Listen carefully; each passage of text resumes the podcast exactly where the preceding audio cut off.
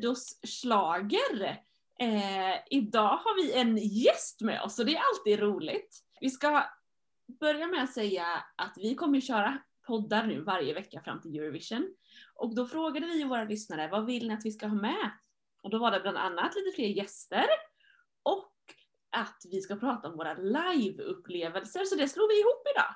Vi har en gäst och så ska vi helt enkelt bara snacka live-upplevelser från Eurovision och Melodifestivalen. Jag är super, super peppad. Johannes och Jakob är med mig som vanligt. Tjena, tjena! Jajamensan! Och sen har vi ju en av lyssnarna känd gäst eh, som har varit med förut, Lina. Så roligt att du är med idag. Väldigt, väldigt kul att få vara med som vanligt. Ja men alltså när vi ska prata, när vi sa förra veckan, okej okay, vi snackar liveupplevelser nästa vecka. Då var jag såhär, okej okay, ska vi dra in en gäst? Vem vill man inte ha med sig då? Om det inte är Lina. Lina har ju massa roliga liveupplevelser att dela med oss, tänker jag. Absolut. Ha några på lager. Hur lång, långsamt podden skulle vara. Ja, precis. Jag tänker så här, de som har lyssnat på vår Fidåslager nu under liksom de här fem säsongerna kanske kommer känna igen en del av det vi pratar om idag.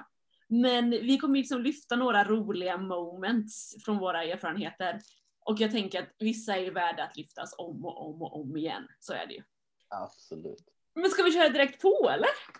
Ja, men Ja, ja, det finns inget att vänta på. Inget att vänta på. Nu Vi kör vi. ska prata om. Vi tänker att vi kommer gå kronologiskt liksom, från den första liveupplevelsen och sen vidare eh, igenom kronologin. Så vi har valt ut två eh, tillfällen var, eller två liveupplevelser var, som vi ska dela. Och den första, då hoppar vi tillbaka till eh, 2010, Johannes. Ja, jag tänkte på det. Alltså mitt schlagerintresse eller Eurovision-intresse, men typ startade någonstans där, eller lite skarpt där kan man säga, 2010. Från liksom 2007 kanske, då har jag ändå så här, minnen av att ha tittat på Eurovision tillsammans med en massa kompisar och, liksom, och kommer ihåg favoriter och sånt där. Men från 2010 och framåt så då började jag samla på mig även live-minnen. Eh, och det här minnet, det började egentligen året innan när vi var hemma hos vår kära gäst Lina. Jag var där tillsammans med ett gäng kompisar.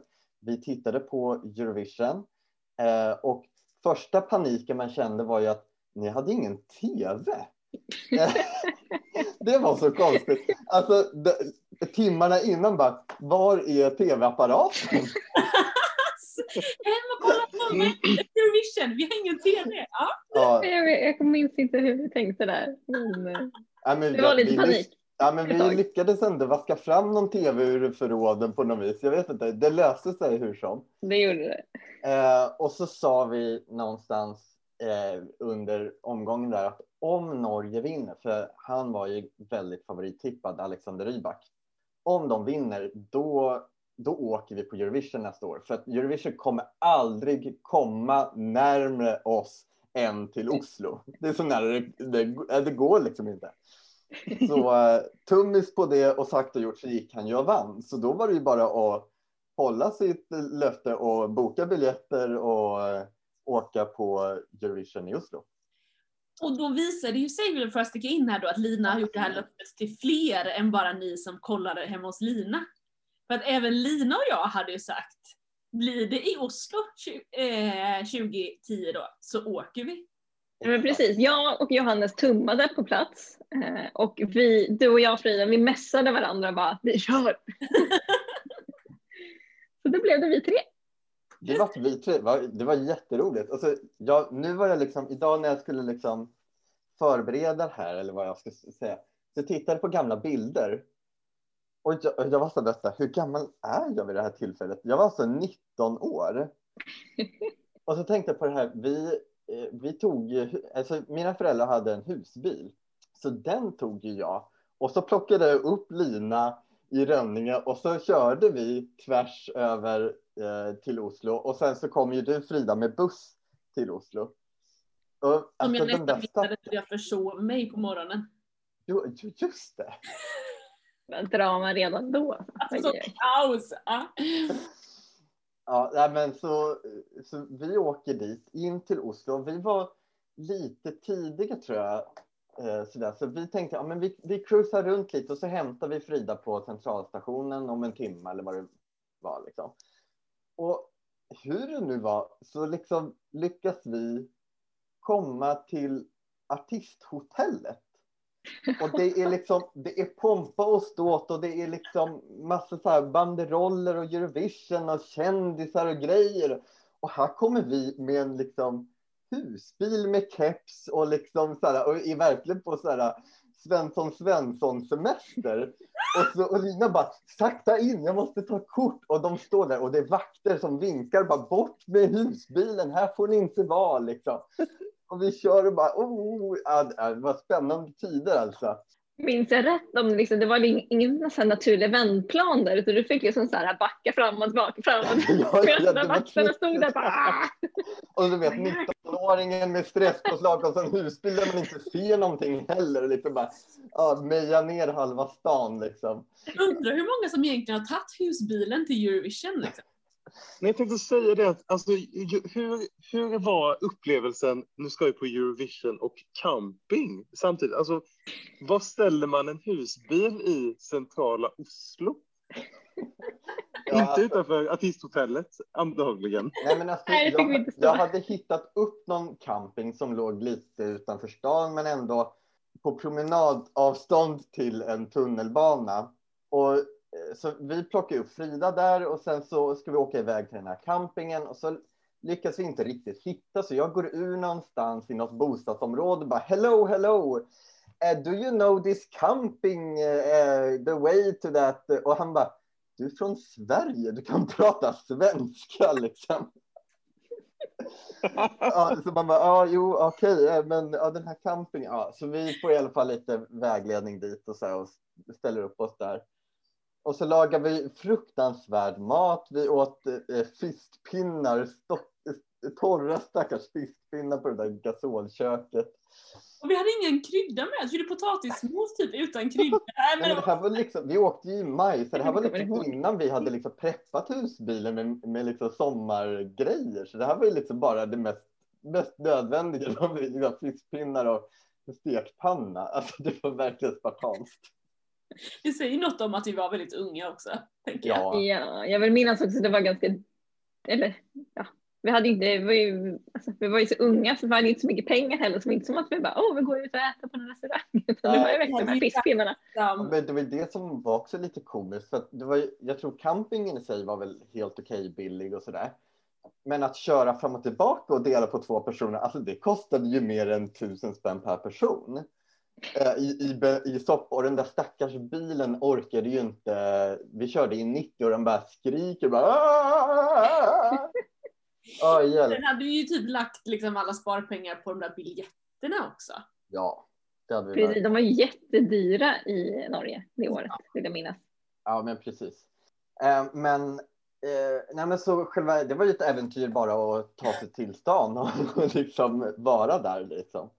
Eh, men sen så minns jag också, apropå att det var dyrt, eh, inne i arenan, så, för vi, det, det är nästan en hel dagsaktivitet då, att gå till arenan och, och ta sig in på området och sen hitta till sina platser och sen sitta där och heja och allt vad som sker. Och efter kvällen hade löpt där så blev ju vi törstiga liksom. Eh, så då säger ni, ja men Johannes kan du gå och köpa vatten? Så jag bara, men absolut, inga problem. Och så liksom bakom läktaren på något vis så är det liksom, där är det servering. Och det, men det fanns inget vatten. Alltså, och allt var så upphällt i, i, ehm, i eh, muggar liksom, som stod längs bord. Liksom. Det var nästan så här självservering fast man skulle ju betala någon peng till någon. Eh, och, i, och det var mörkt så man ser ju inte ens vad innehållet i de här muggarna är för något. Liksom. Men jag förstod i alla fall att det fanns inget vatten kvar eh, och det fanns typ bara öl och vin och några stackars kola. Så, så jag får tag i kolor i alla fall, tre stycken i, i de här plastmuggarna. Och så kom jag till er eh, med dem och så bara, ah, men vad kostade det typ? Jag bara, alltså jag vet, nu minns jag inte vad det kostade, men det var liksom, det var över typ 50 kronor per, per mugg liksom så här. Och ni bara får så här, spärrar upp ögonen bara shit vad det, jag bara, det fanns, jag hade inget val. Du gjorde det bra. ja, ja, men hjälp, det var, det var en persdrickan alltså. Nej, men det, Det där har jag glömt bort så det skapar inga mer. liksom. Nej, samma här. nej, precis, det var lyckligt ovetande som, Vad skönt. Dina, vad dina sparpengar gick till. ja, ja, exakt, precis. Ja. Precis. Jag tänker att vi kan skicka med det till våra unga lyssnare som känner att ja, 50 kronor, det är så mycket nu när man är 19. Look at, look at Fido, Johannes och Lina, vad de är nu. Ja, De har klarat sig. De har klarat sig.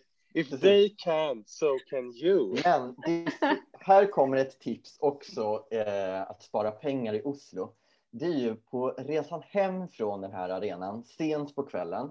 Så eh, vi hade ju planerat för att ta tunnelbanan tillbaks till eh, våra närmsta station och tillbaks till campingen. Det var ju bara det att tunnelbanan hade ju slutat gå så sent på natten när, när Eurovision var över och vi väl har tagit oss, oss in till stan till en tunnelbanestation. Och då inser vi att aha, nu måste vi också lägga ut skitmycket pengar på en taxi här mitt ovanpå alla kostnader liksom.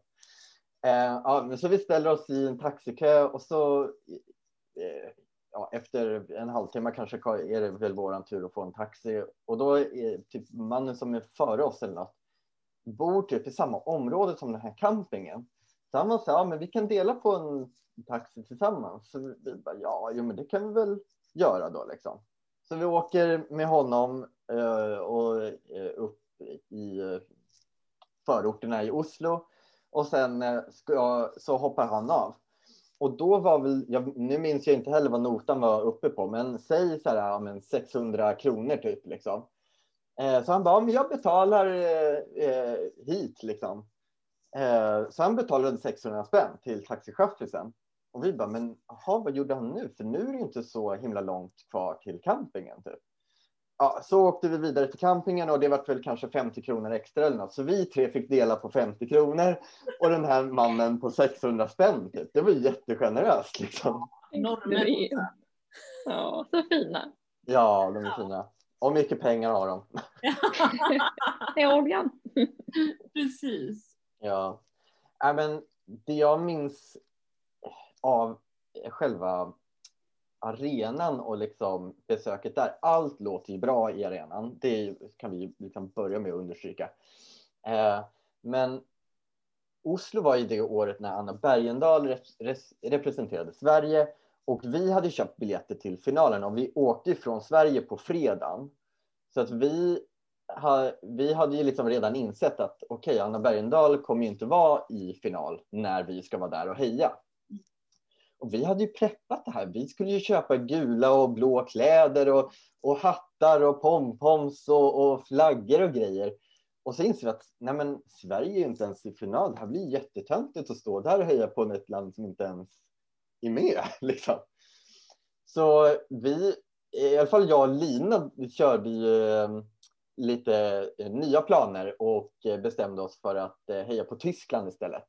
Så jag köpte en tysk flagga eh, och Lina, du har Jag hade röda pompoms röda pompoms. och ja, men eh, exakt. guldhatt. Exakt. Så att med det där i högsta hugg så eh, var ju vi i arenan och hejade järnet på Tyskland. Medan Frida fortfarande hejade på Sverige. Ja, men det säger någonting om, om, om, om mig, jag får säga. Men det är ofta så när vi pratar om inför Eurovision, jag är ju ändå så här, jag hejar ju på Sverige, men sen kan jag ha andra favoriter. Men typ, Jakob, du hejar ju nästan aldrig på Sverige. Eller liksom, Nej, abso- absolut inte. och det, där, det blir bara tydligt att jag kunde inte riktigt släppa att jag hade ju köpt min svenska flagga. Och jag skulle ju liksom, jag hade köpt en sån här stor svenska flagga. Men jag gjorde ju så att jag tog en spritpenna och så skrev jag Jag saknar dig Anna, stort på flaggan. Så att det blev så här tydligt att jag var medveten om att Sverige inte tävlade. Just det. Men visst fick du beröm också för flaggan av Svante? Absolut. Vi träffade ju Svante Stockselius. Som ju var, det är inte riktigt vad titeln hett var på den tiden, men han eh, Executive producer, Anna, eller? Precis. Alltså det är Jon-Ola Sands roll. Typ. Mm. Ehm, och när vi såg honom så var det så här, vi måste springa dit. Så Lina och jag sprang dit, så det finns bild på när han liksom håller om oss och jag, jag håller i flaggan. Och han sa, vilken fin flagga.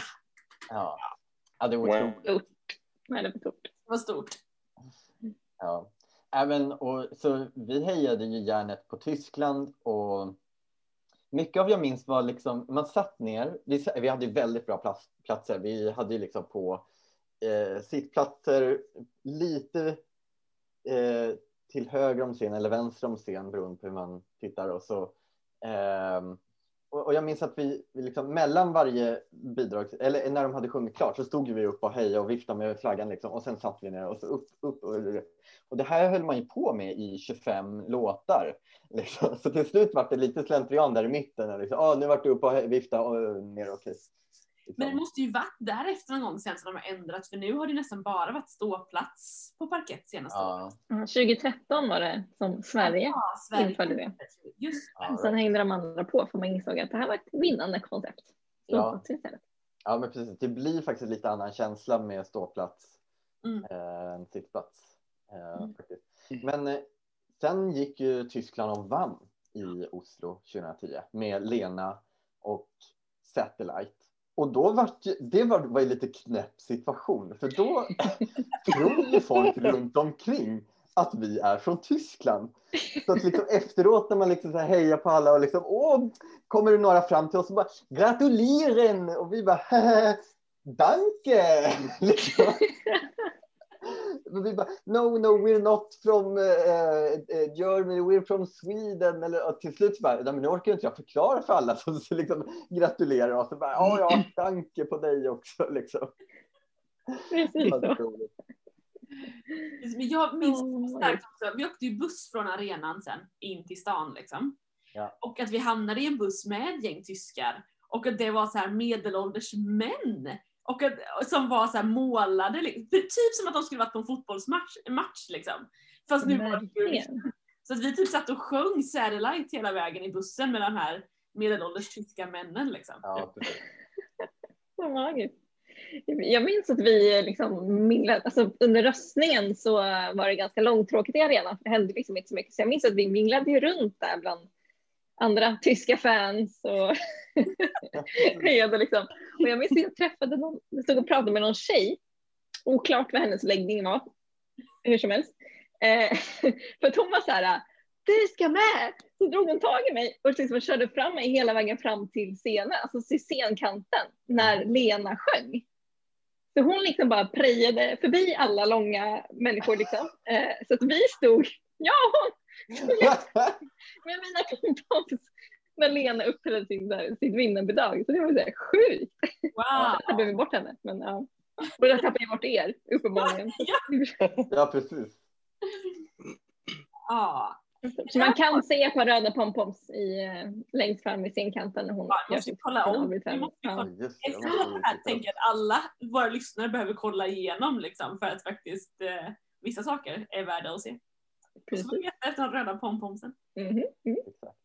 Men det här var ju egentligen, visst var det här både Johannes och Lina, det var ju våra alla, alltså första, första liveupplevelsen av Melodifestivalen eller Eurovision. Ja, Ja. det var det. Startskottet på många, många fler liveupplevelser. Men om man blir ju biten alltså. Man blir ju så här, ah, det här är ju världens grej. Det är sån energikick liksom. Mm. Att få vara med i ett sånt, vara med om ett sånt sammanhang liksom. Ja, Det är, det är, häftigt faktiskt. verkligen. Ja men så, så vi hoppar från 2010 till 2012 nu. 2012 var ju min första melodifestivalsfinal eh, som jag gick på. Och då hade vi varit på Eurovision innan. Och så hade jag några kompisar som var väldigt, tyckte om Danny väldigt, väldigt mycket. Och nu skulle ju Danny tävla 2012 och de var så här, ja vi åker. Jag eh, eh, var ju lättövertalad, eller nu, jag kommer inte ihåg vem som övertalade vem. Men de var ju så här all in och vi verkligen så här, nu ska vi köpa biljetter. Och bara, vi måste liksom, vi har hört att det ska, är svårt att få tag på biljetter, hur ska det lösa sig?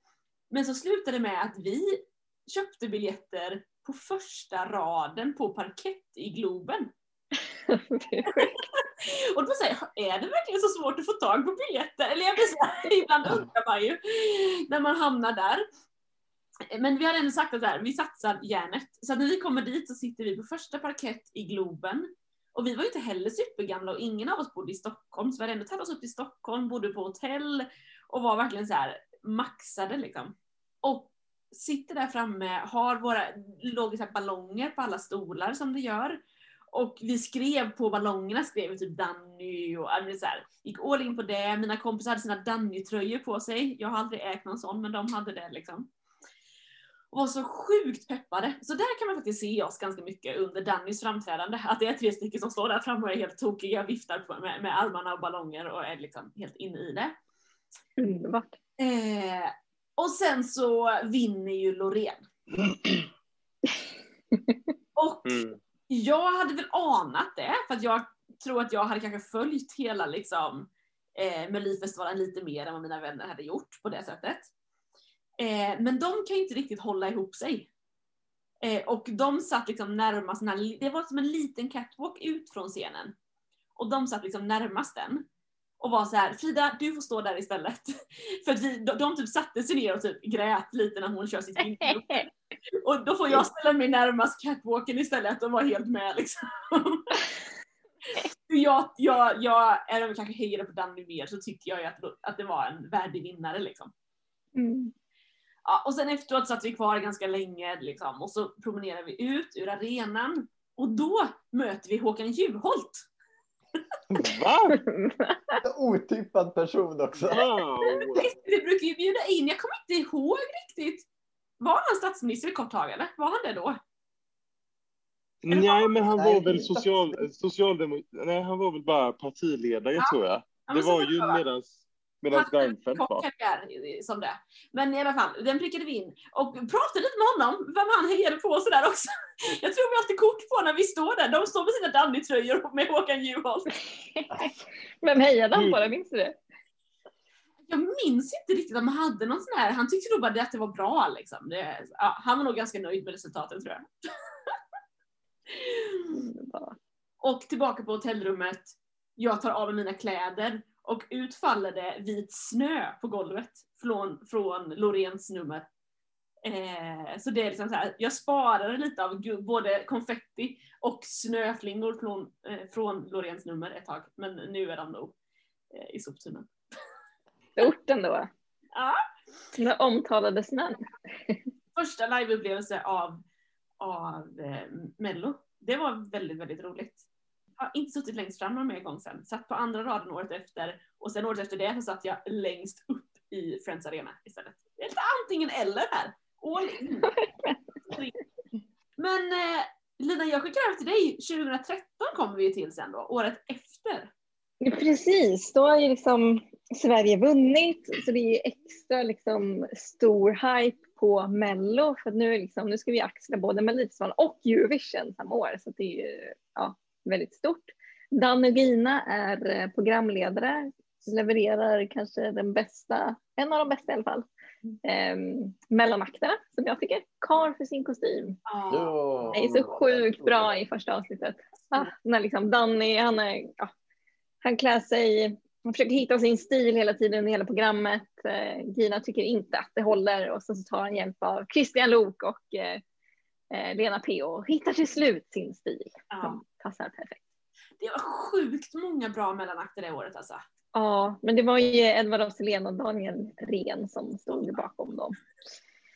Att de inte gick in i väggen det året som ändå hade hand om. Eurovision är en, en, en stor fråga. Men hur som, det var mitt eh, första år på Mello. Det, det var det året jag praktiserade för SVT-webben. Just det. Eh, så jag har ju alltså massa härliga minnen därifrån. Men jag ska, jag ska inte prata om just eh, 2013 hela resten av podden. Men eh, jag tyckte bara det var så häftigt att man liksom kunde, den lyxen att kunna sitta och liksom, ja men jag ska sitta och skriva här, ja men då kan jag lika gärna sätta mig in i arenan medan Brahma Jack står och repar liksom och bara så här, kolla in dem, skriva lite grann, kolla upp och bara, mm. alltså det var bara så här, vem får det? Det ja, helt magiskt. Nej, men jag kommer ihåg eh, speciellt då in, alltså finalen. Eh, det var ju låtmässigt så var det inte ett jättehöjdarår 2013 just i finalen. Eh, det är ju det är många som håller med om. Mm. Eh, så det var ju den givna, den som stack ut mest var ju Yohio. Mm. Och eh, han snackades upp supermycket. Alltså, jag tror Aftonbladet och Expressen bara han vinner ikväll och det var liksom så här, för det var ju en hype. Man hade aldrig sett honom innan. Eh, var han en tjej eller kille? Man visste inte. Nej men det var så här, Sverige bara så här, vad är det här? De som inte har koll på japansk kultur fattar liksom inte. Eh, så det var ju superkul.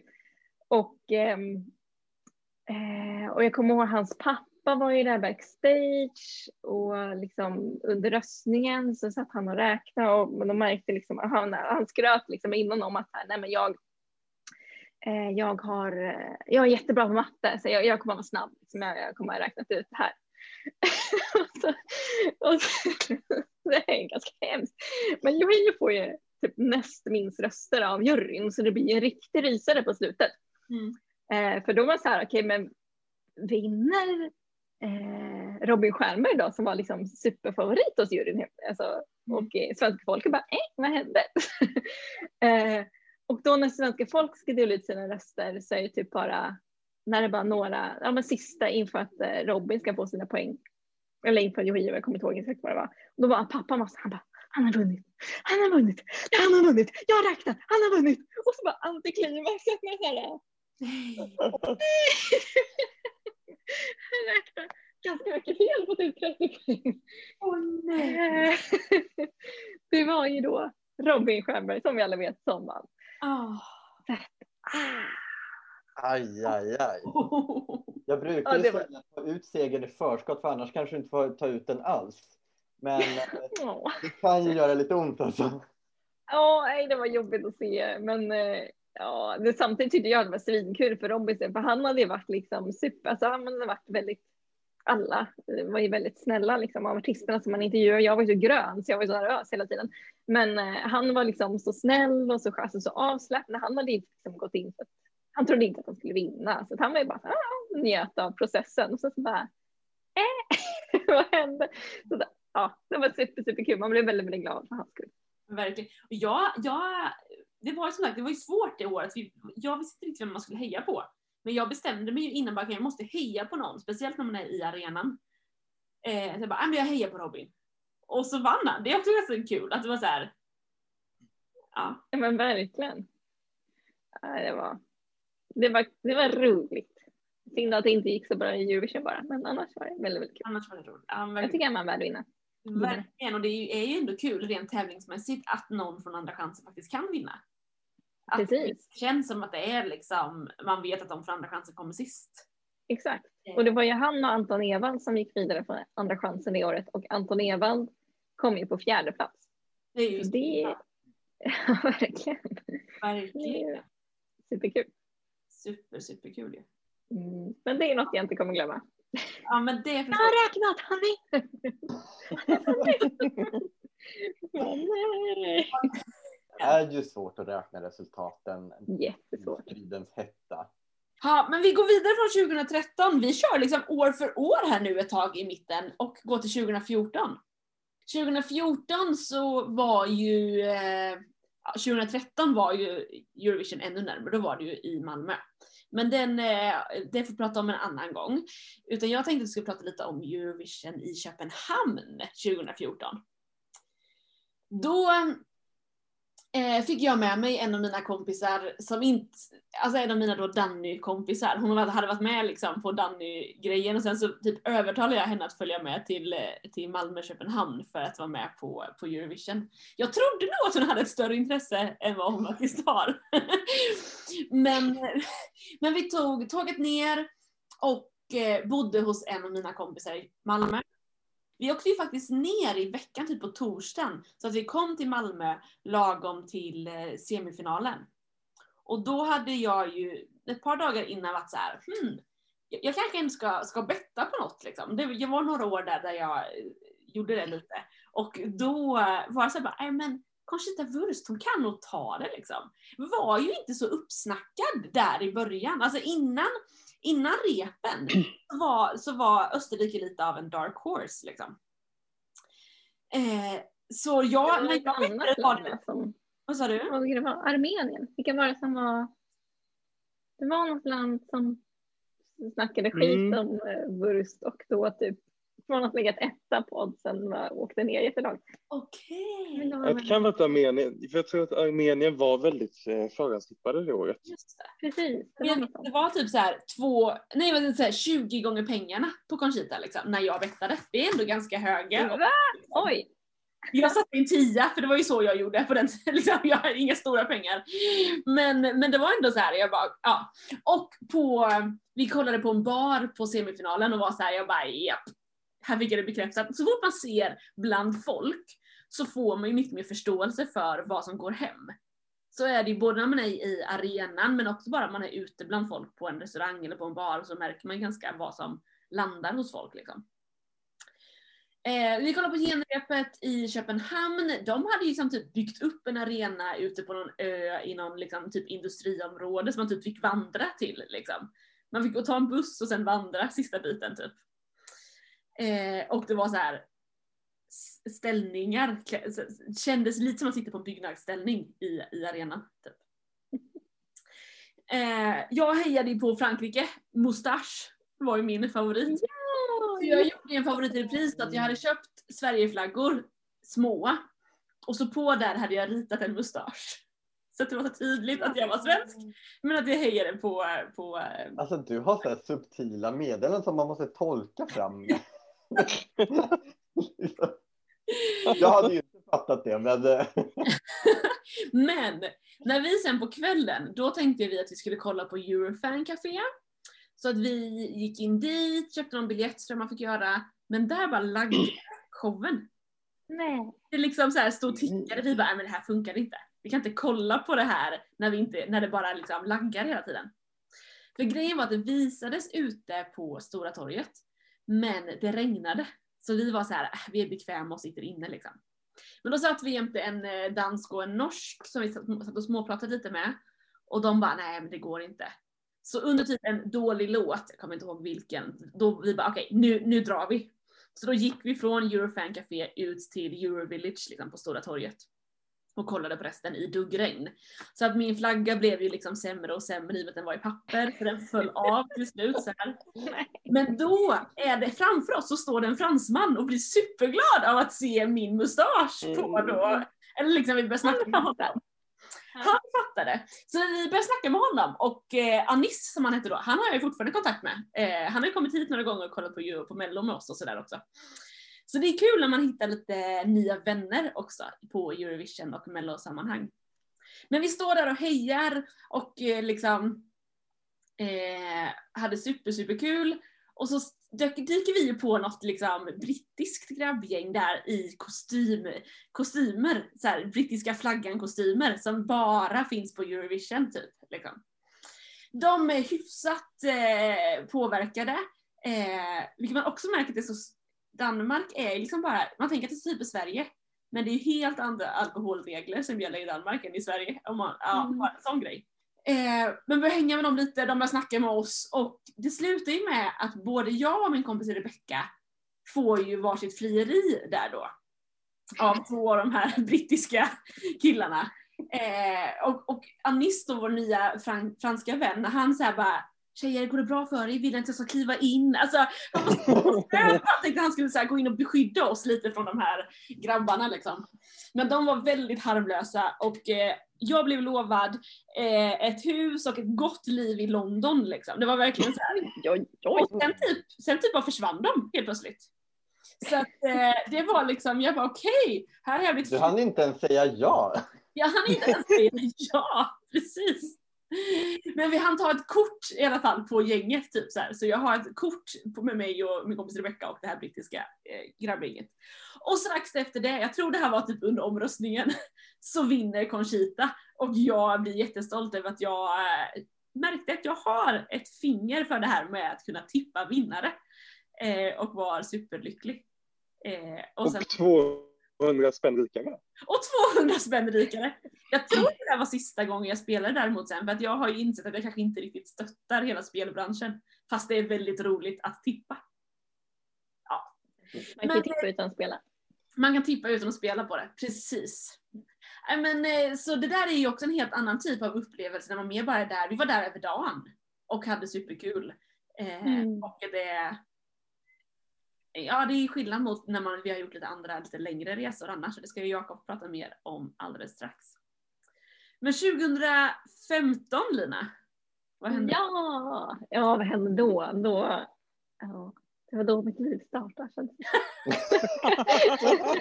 Är det så? Det fanns ett före och ett efter 2015. Det finns ett tidigt före och efter. Nej, men eh, då fick jag äran att åka med till Eurovision som en del av den svenska delegationen, vilket var liksom, alltså jag kunde typ inte sova på en månad tror jag. För Vem att jag var var så det? Var det- exalterad. Var det? Christer som liksom, var det Christer som ringde och bara tja tja Lina? Nej, nej, nej, nej. med i delegationen? Hur fungerade det? Nej, det var Nej. Lina som ringde Christer och bara snälla, mig. Nej, utan det var min eh, kompis och kollega Per Kjellman. Eh, Jamshid, per, per Jamshidi heter han nu. Eh, som jag jobbade med. Han var min eh, handledare 2013. Eh, när jag jobbade med webben. Och han hade gjort det flera år tidigare. Och han var då ansvarig för att skicka ner två stycken, tre stycken till Eurovision från online-teamet. Liksom. Så det var Gustav Dalander, eh, som skulle teama ihop med någon annan SVT-person. Och sen så var det My Söderholm som jag nu jobbar med. eh, som skötte de sociala kanalerna. Eh, så att, och då ringde han mig och frågade om jag vill åka. Eh, så det var... Nej, åh, det är lite tajt i kalendern, vet inte om jag kan. Ja, precis. Jag är fri, fri, fri. Nej, det var men, ja, helt, helt galet eh, när jag fick den eh, förfrågan och möjligheten. Så att, ehm, jag åkte ner som en del av online-teamet och som sagt skulle typ dokumentera allt som Måns gjorde, bara hänga på allt han gjorde och liksom filma, skriva artiklar, ehm, ja, klippa små snuttar som väl ut på svd.se och eh, till de sociala kanalerna också. Eh, Så det var ju, och första natten var också så här, eh, jag kunde inte sova en blund den natten på hotellet för också så här, eh, oh my gosh, jag är här, Måns jag är här. Men ännu värre var liksom Christer Björkman och Edvard af Sillén. Ah! Helt galet och typ dagen efter på, på frukosten så träffade jag, eh, satt jag åt eh, frukost och så kom Edvard och bara, började prata lite grann. Han var så här, ah, men är du här mer liksom som ett, bara för ett, ett kul jobb eller eh, är det liksom ett riktigt fan? Jag bara, nej, jag, jag har inte kunnat sova en natt. Han bara, wow, håll kvar vid den, vid den känslan, det är bra. Jag bara, åh. Det var väldigt, väldigt fint. Eh, och som, eh, vad säger man, grädde på moset så fick jag sitta i green room. Mm. Vilket liksom, nej men vem får det? Alltså, det är ju Christer, alltså head of delegation. Det är artisten, artisterna, det är körsångerna, eventuella dansare. Och sen så brukar det vara liksom, om det inte fylls upp av tio personer där, då är det ju ja, men, koreografer. Det, ja. Låtskrivarna är ju definitivt med där också. Ehm, ja. Men de hade en plats över i och med att eh, Måns inte hade några, några dansare. Han var ju själv på scen. Och ja, en av låtskrivarna körade också så då sparade man ytterligare en plats. Så eh, då fick jag möjlighet att sitta där. Vilket var helt galet. Alltså, dels att få sitta i arenan varenda gång, alltså på repen och sånt, ha bästa platsen, se ut över hela publiken och scenen, ha en liten monitor framför så man kan kolla mot monitorn och så upp. Nej, det var magiskt. Eh, och i och med att det var liksom snack om att ja, men det står mellan Sverige, Italien och Ryssland och ta hem hela alltet så hade jag frågat Christer och gänget innan här, men om vi vinner, vad gör jag då? För att man går ju alltid tillsammans i den här lilla gruppen och bara och firar ihop och är så glada och liksom eh, upp på scenen och bara yay! Typ. Eh, men i och med att jag inte hade bidragit någonting till det här Nej. alls. jag hade röstat på Måns liksom. och sen så, ja, inte så mycket mer. Så, um, då ville jag bara dubbelkolla, så här, vad, vad gör jag? Alltså, och då, ja, då sa Christian, nej men du ska upp och se, vi ska bilda, det, det är viktigt. Så, ja men bra, så det, det, det kör jag på. Så att eh, jag fick inte ha min systemkamera, jag fotar allting från min telefon och skickar till My som lägger upp på diverse plattformar och tar citat som jag skickar till Gustav och så livechattar jag samtidigt. Så det var liksom tusen gånger tusen saker samtidigt.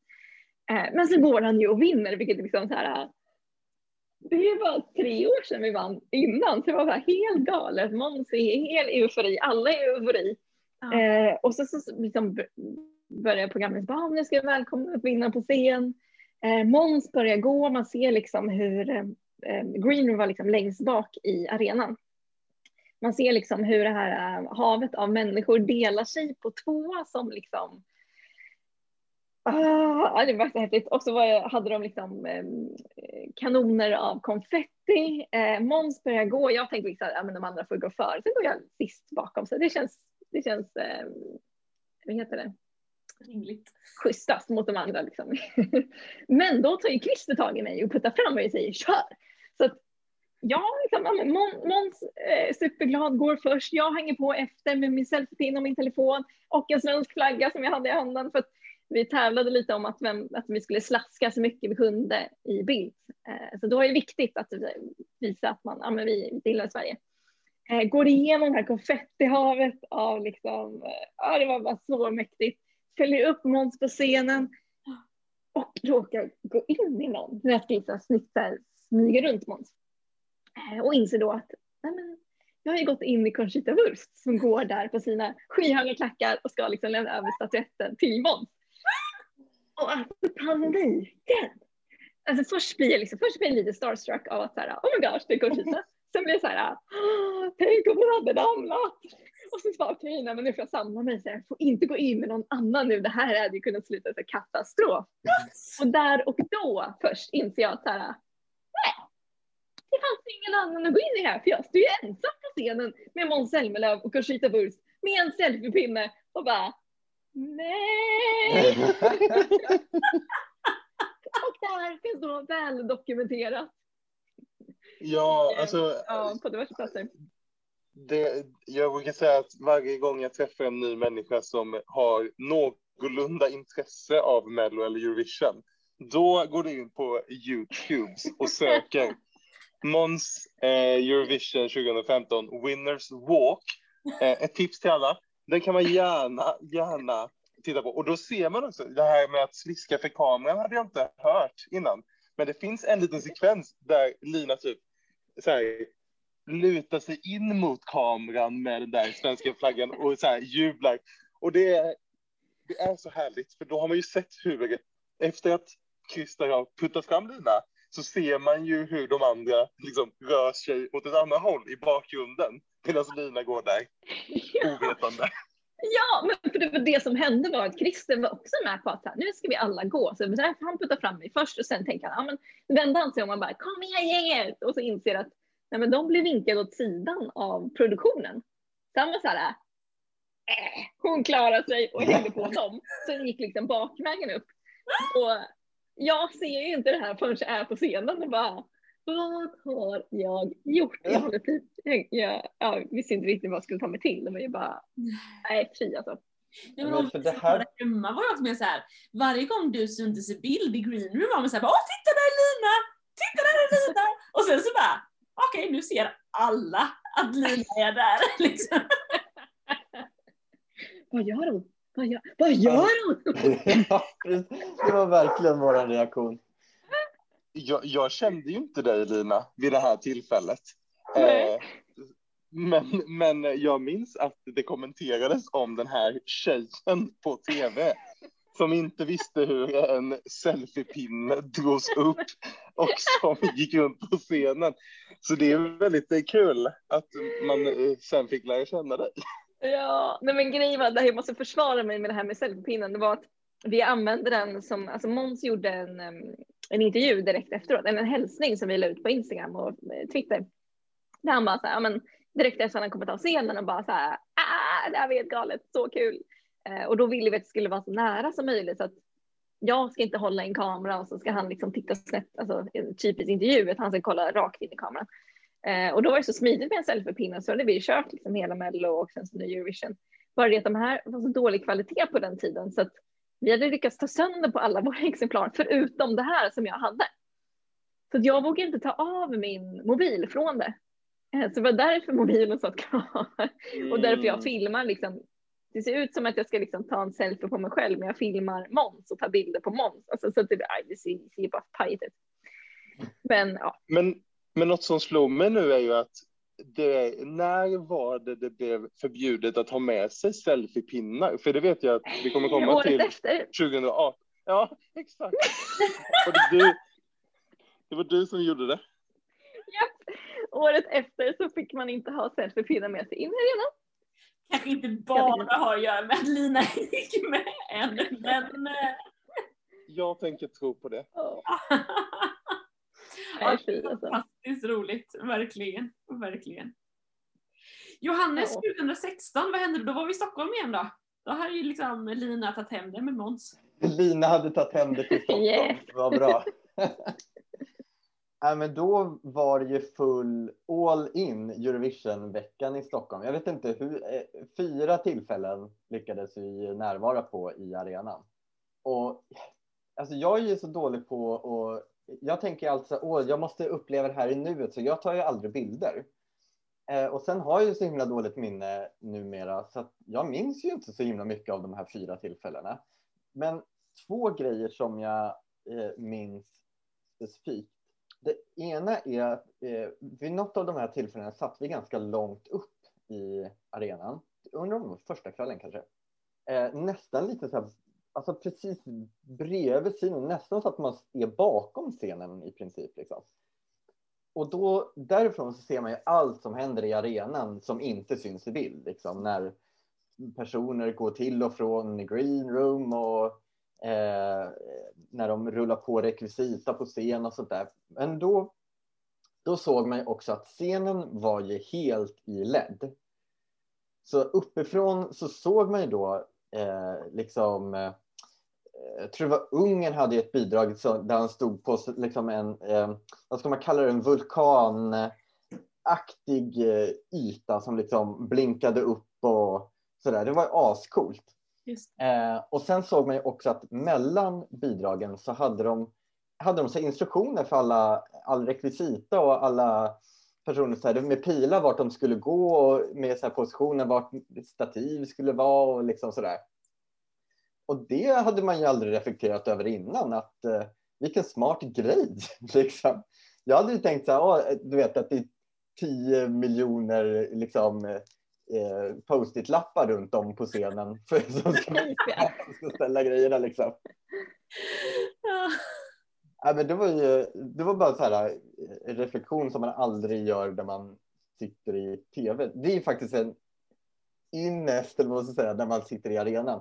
Att kunna se de här eh, behind the scenes grejerna. Hur eh, han i, i Rysslands bidrag kunde klättra på, på den här projiceringen som de hade. Mm. Eh, hur eh, Australiens bidrag sitter ovanpå en kub eh, och sjunger. Alltså massa så här grejer som, som blir effekter i tv men som man inte riktigt vet hur det ser ut bakom. Så att säga. Mm. Eh, Eh, men sen var det faktiskt en annan grej under det här året. Det var i, jag tror att det var i första semifinalen. Så var det en mellanakt. Eh, som, alltså den grep tag i mig kan jag säga. På ett sätt som så här, eh, dansnummer aldrig brukar göra. Det här var en, ett dansmellanakt. Och det brukar ju vara den optimala kisspausen för mig. För att det är liksom, men jag, vad ska vi med dem till liksom? Det händer ju inte så himla mycket. Hur mycket kan man variera det liksom? Eh, men den här var, den kallades The Grey People. Eh, och det var Benke Rydman som är koreograf för det här dansnumret. Mm. Eh, jag var tv- tvungen att titta på det på nytt idag och jag bara, det här är, det här, det är fortfarande skitbra. Eh, det handlade om flyktingkatastrofen som var väldigt aktuell då 2015-2016. Och dansnumret liksom iscensatte egentligen en, man fick följa en familj som var på flykt och eh, de liksom gjorde liksom vågrörelser som var liksom den här flykten över haven och eh, det här, de var helt gråmålade, hade gråa kläder som att liksom, personerna på flykt inte har någon identitet. Liksom. Och sen, och, eh, och vi satt ju där i arenan och jag såg det här och det var verkligen så här, jag lutade mig fram och bara stirrade för jag ville inte missa ett ögonblick av det. Mm. Eh, och så minns jag just den här specifika scenen där det är en pojke som har liksom ram, som ligger på mage framstupa liksom och som då har drunknat och liksom de här dansarna glider åt sidan för att liksom iscensätta det. Och det var ju den här bilden, den ganska kända bilden från den här tiden Mm. på en treårig pojke som heter Alan Kurdi som eh, ligger liksom i vattenbrynet på en strand och har drunknat. Eh, så den bilden låg ju väldigt så här, i minnet eh, på alla som ja, men, var där. Och det var en så tydlig bild i den här dansen att det var just det som, som de pekade på liksom, och det symboliserade hela den här flyktingkrisen. Eh, så det var väldigt, det var så coolt att se hur ett dansnummer som jag annars tycker är så ah, liksom dansa hit och dit, liksom, det gör inte så mycket. Men när de verkligen kunde iscensätta hela den här händelsen på ett så tydligt och konkret sätt, det var eh, väldigt häftigt. Mm. Eh, och i slutet av den här dansen så eh, står det baljer sen framme vid scen där de får tvätta av sig dansarna i ansiktet och då kommer deras naturliga hudtoner fram och de liksom får en identitet. Och sen blir de, går dansarna av scenen ut i publikhavet och så lyfter alla i publikhavet händerna upp i luften och i en någon slags, ja men inte segergest men liksom en så här gemensam eh, manifestation liksom. Mm. Eh, så ja, men det var det var ett starkt minne och den kommer jag liksom alltid komma ihåg. Att det var 2016 när jag satt där och, så, och jag tittade på den idag igen och det är så bra gjort. Det är liksom sju minuter dansnummer som fångar den verkligen. Det där är ju häftigt hur det från så här glitter och glam eller liksom latch liksom också faktiskt går att beröra på det sättet och att det kan vara så, så mycket liksom känsla och budskap och plocka upp det aktuella. Verkligen. Verkligen. Jag vill minnas att det var inte liksom helt eh, okommersiellt, eller vad säger man? Att, eh, Okontroversiellt. Nej. ja, okontroversiellt att eh, ha med det numret. Nej men jag, jag kan också tänka mig att det, det borde Mm. ha varit en del starkare åsikter kring det. Ja, jag tror till och med att det kanske var in medräknat från början, men vissa gick till reklam då, Mm. eh, som inte ville visa Mhm. det. Men det kan ju vara att det redan var medräknat att det skulle vara reklam just den slotten, men Just det. ja, jag vill minnas att det var lite snack om det innan. Att, eh, Och det, jag tänker det är samma år som Jamala också sjöng sin låt som också är väldigt liksom mycket budskap och berättelse och liksom känsla. mm, Mm. politik. Och, li- ja, jag försöker undvika det ordet liksom, för att, men det är ju ändå det på något sätt. Ja. Men inte så mycket politik att man blir diskad i alla fall. Nej men precis i detta Nej, Men det var ju politik som gjorde att det startade också på något sätt. Att så här, vi Mm. vill, eh, alltså enheten i Europa, vi vill hålla ihop, vi skapar en gemensam sändning och tävling. Alltså, det är ju Mm. politik också. Liksom. Mm. Ja, och jag tänker också det att flyktingkrisen som var då var ju ett europeiskt fenomen. Det berörde ju faktiskt väldigt många länder. Det var inte bara så här, oj, det var bara Sverige som, eh, så, som det berörde, utan det var ju något som är gemensamt europeiskt vid den tiden i alla fall. Precis. Mm. Ja. Verkligen. Jakob, du har fått sitta lite tyst här ett tag. Vi, Ja, nej men vi gillar dina kommentarer men nu får du take it away. Ja, tack så mycket. Jag har laddat upp, laddat upp. Det kan ju låta som att jag blev ett Eurovision Eurovision-fans fans så sent, men det är väl att jag har eh, gillat att eh, uppleva detta från tv-soffan, gärna med min familj. Till exempel eh, Eurovision 2016, då bodde jag ju till och med i Stockholm, men var inte på en enda live-grej. Jag, ja, min bror var på besök, så vi gick till kaféet någon gång. Eh, ingenting hände där. Eh, jag sprang in i Verkas Dutschka i Kungsträdgården en gång. Det var vad som hände där. Det är Men som mitt riktiga...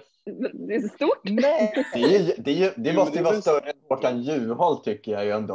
Ja, faktiskt. Ja, ja men kanske. Kanske. Ja, det, var, det, var, det var spännande. Ja, precis. Eh, nej, men så min första riktiga Eurovision-upplevelse var ju då Lissabon 2018. Mm. Eh, och då tror jag att vi hade sett eh, finalen hemma hos Frida året innan. Eh, faktiskt. Om jag inte minns Ja, fel. det tror jag också. Ja, för jag tror att Johannes var där och så jag och Frida och så var det några till. Jag tror att vi var de tre som var väldigt intresserade. Och då tror jag att vi sa där att, att Portugal, de är ju förhandstippade att vinna. Om de vinner åker vi dit, tror jag jag sa, för att jag kände att Portugal verkar trevligt. Nu är det det är varmt. Ja, det tänkte jag nog också. Så eh, sagt som gjort så blev det ju så att vi åkte. Eh, och det finns ju väldigt mycket man kan eh, prata om den här resan.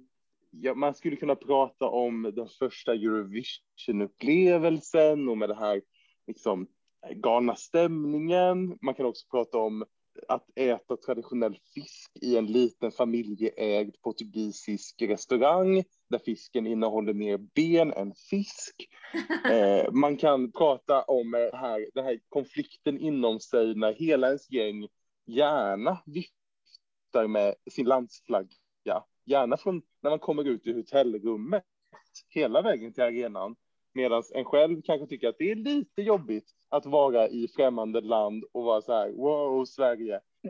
Först när man kommer kanske till arenan och det då känns mer som att alla är med på det här. Jakob är lite mer den såhär, när alla andra har flaggor, då kan jag ha flagga. Ja, men hade du Jag- svensk jag- flagga i år då? Jo, men det hade jag absolut. Det hade jag. Vem hade köpt, Eh? Vem hade köpt Jakobs svenska flagga? Ja, det tror jag var Frida. Ja, det var Frida. Det var det. Ja, det är tur. Jag skulle säga att eh, Frida eh, brukar förse mig med diverse Eurovision-attrial- äh, attribut, tänkte jag säga. Nej, men det var en svensk flagga, absolut. Men eh, jag, tycker väl, jag tyckte att det kändes lite olustigt att gå runt bland folk som inte kanske var i Lissabon för Eurovision. Och så kommer det någon svenne och viftar. Skitsamma. Eh, vi kan ju också prata om knarket om vi vill. Eh, det låter eh, knarktorg, men det här har vi redan pratat om i en tidigare podd, så det kan man gå tillbaka och lyssna på. Jag lyssnade på den idag för att se lite vad behöver man inte nämna. Något vi inte nämnde i den podden var ju vägglössen. Vi, eh, ja, men vi bokade ju, eller det var Johannes tror jag som Ja, bokade Jag friskriver mig från allt ansvar. Eh, nej, men vi hittade ju ett hotell som, som vi tyckte om det här var billigt och centralt och bra. Och det var något slags hostelhotell. Och vi bara, men det blir väl bra. Eh, och eh, sen så kom vi dit och bara, ja men grymt. Eh, sov i ett rum där en natt. Och så vaknade Peppe av att hon hade lite, litet, en litet blod här på eh, den. Och vi bara, jo men det här måste vara vägglöst. Så vi eh, eh, får ju byta rum, eh, vilket är väldigt trevligt. Och vi, sen märkte vi inte av några fler vägglöss. Men vi blev ju liksom uppgraderade till eh, hostelets suite, liksom. Högst upp eh, med stora fönster. Så det var ju en trevlig överraskning. Jag tänker att det ändå är lite skillnad från camping, eh, husbilen i Oslo kanske. Absolut, vi har uppgraderat. Ja, men exakt. Vi åkte ju till Lissabon för att gå dels på eh, livesändningen av Semi 2, men sen eh, genrepet på lördagen. Och det här genrepet var ju riktigt trevligt. Vi fick ju, vi hade ju parkettplatser och eh, redan på eh, deltävlingen så hittade vi ju bra platser, lite till höger om scenen vid en av så här flankerna. Så vi intog samma platser eh, igen och till i alla fall min förvåning, jag vet inte om det var någon annan som hade planerat det här, men det var den sidan under öppningen där alla artister gick in. För då var det liksom att det gick in någon portugis med eh, landets flagga på ena flanken och så kom artisten in på andra. Och då kom ju alla artister där vi stod. Och det var ju väldigt trevligt att få skrika på alla artister. Eh, skrek på några eh, lite extra, men eh, många fick ögonkontakt med oss och så glada och vinkade. Bland Mm. annat så har jag för mig att min favorit Slovenien det året sås. Eh, för att där skrek jag nog ganska mycket. Benjamin såg jag så, såklart, var riktigt glad. Och framför allt Moldaviens bakgrundsdansare. För att det var ju ett svenskt gäng, har jag för mig. Så vi ropade ju på dem på svenska. Eh, och det tyckte de ju var lite kul, tror jag. Just Ja, vad var det för låt? Number one, du, du, du. det här är buskis-numret med ja. massa dörrar. Ja, Ah, Triangeldramat. Som sen var med i Lovers of Valdaro i Melodi. Ja, precis, precis. Han var ju de extra paret tjejbenen i det där buskisnumret. Precis. Ja, men och sen efter det här genrepet, då har ju vi storartade planer. Vi ska tillbaka in till stan. Vi ska ner på det stora torget nere vid hamnen där det är Eurovision Village. Men vi måste ju också få i oss något att äta. Eh, och om man lyssnar på, ja, det är mycket throwbacks till Lissabonpodden, men där pratar vi om, om servicen som vi fick eh, i Lissabon. Och att eh, det inte var riktigt någon restaurang som fick våran order helt rätt. Och jag vill minnas att den här restaurangen, den viktigaste av våra måltider, var värst på att eh, komma ut med mat i tid, komma rätt med mat och så vidare. Så det tar ju en stund att eh, få i sig någonting för att sen kunna ta sig vidare. Och, och när vi då kommer ner till torget så ser vi att det här är ju fullt. Det här är också ett stort, stort torg. Men det är knökafullt och det är liksom köer. Det är flera entréer och alla de här entréerna har köer som är uppemot någon kilometer gemensamt skulle jag tro. Och jag bara känner så här, ah, men vad är det här? Och vad, jag börjar så här tänka, okej, okay, hur, hur ska vi göra? Vad gör vi om vi inte kommer in? Ska vi tillbaka till liksom eh, vägglöshostelet och sitta och glo på det här? Eller vad ska vi göra? Men vi ställer oss i kö eh, och börjar snacka massa om hur vi ska göra och så vidare. Det är en tjej som står framför oss som så här, hon står och vänder sig och tittar på oss så mycket när vi pratar. Jag bara, vad är det här? Vad konstigt. Ah, ja, ja. Men då kommer ju eh, våra kära, kära vänner som jag aldrig har pratat med igen. Jag vet inte om ni har gjort det. Men Herman från Norge och tillsammans med, jag minns inte hennes namn, så det var också från podden jag fick höra. Veronica hette hans Just kompis. det. Och Veronica var ju svensk och eh, Herman var ju norsk. Eh, och de började snacka med oss och bara, nej men hörni, men vi ska bort, vi har hittat ett annat ställe som visar eh, Eurovision-finalen, så vi tänkte dra dit. Och då den här tjejen som har stått framför oss och glott på oss, då eh, tas bladet bort från hennes mun och hon säger, ja men jag heter ju Monica och eh, är också svensk eller norsk eller både och. Så hon hakar ju på oss. Så vi blir ett litet gäng som drar till en irländsk pub. Eh, denna irländska pub har jag kollat upp vad den heter. Henneys Irish Pub. Så om man är i Lissabon så kan man ju dra till Henneys. Och nu blir det en throwback här. För på vägen till eh, puben, vad är det vi möter då Frida? Jo då, då möter vi honom, min fästman. Oj, oj, oj, oj, oj. år senare. Och om man lever av traditionen att man bara ska vara förlovad ett år så kan vi ju säga att vi verkligen har väntat på det här tillfället.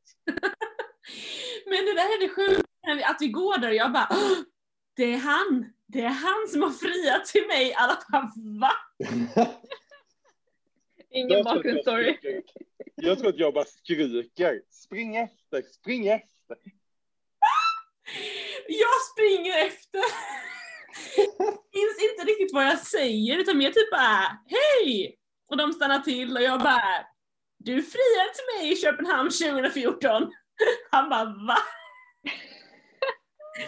Så berättade jag typ så här att du friade till mig men sen har jag inte hört något mer och hans kompisar, och han, och han bara va? Han minns inte det här. Hans kompis säger ja det låter precis som någonting han skulle kunna göra. Nu var han lite mer nykter så han sa mer typ jag ber om ursäkt och så gick de vidare. Jag vet inte hur seriösa de trodde jag var.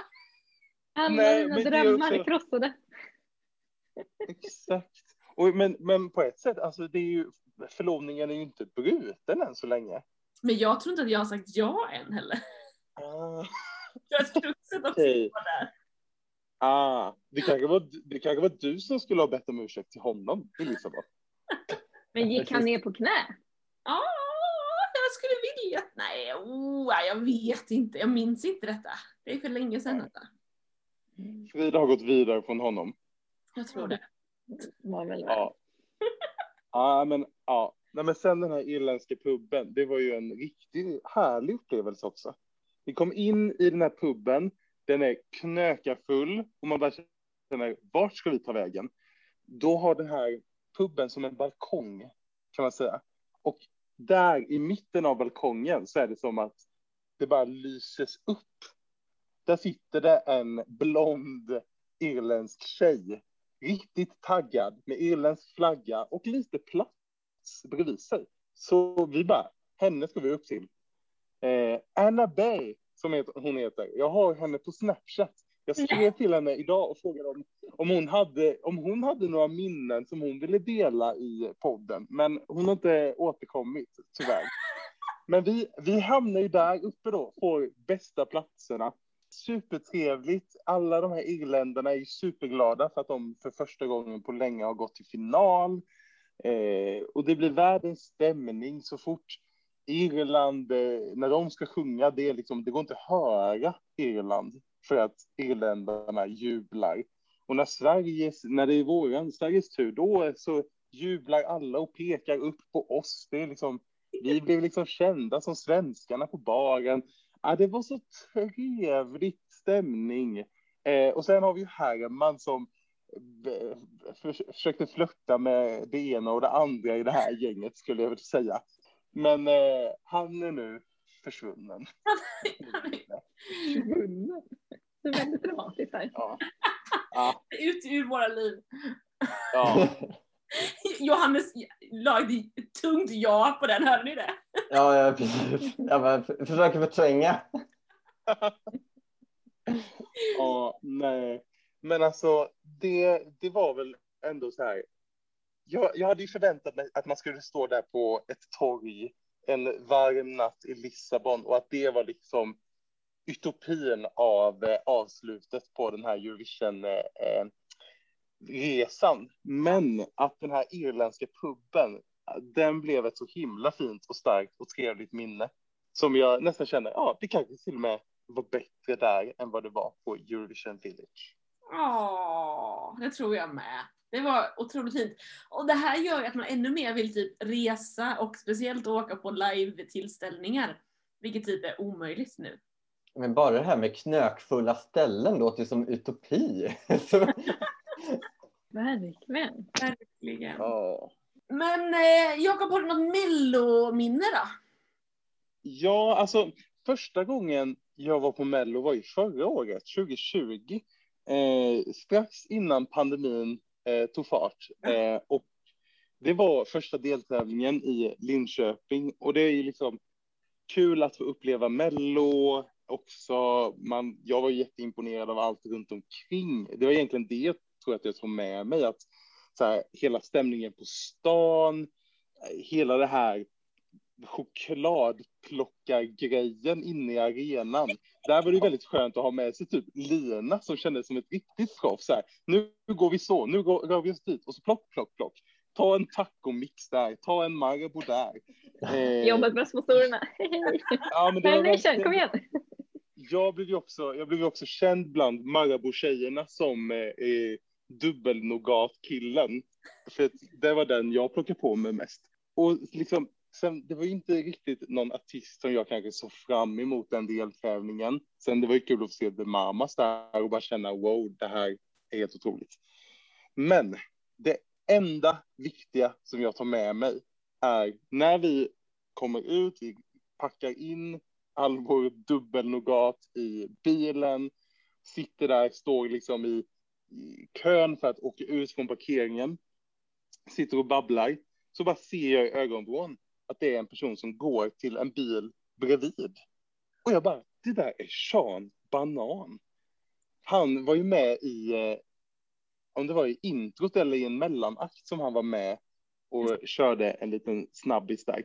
Och jag bara, det är Sean Banan.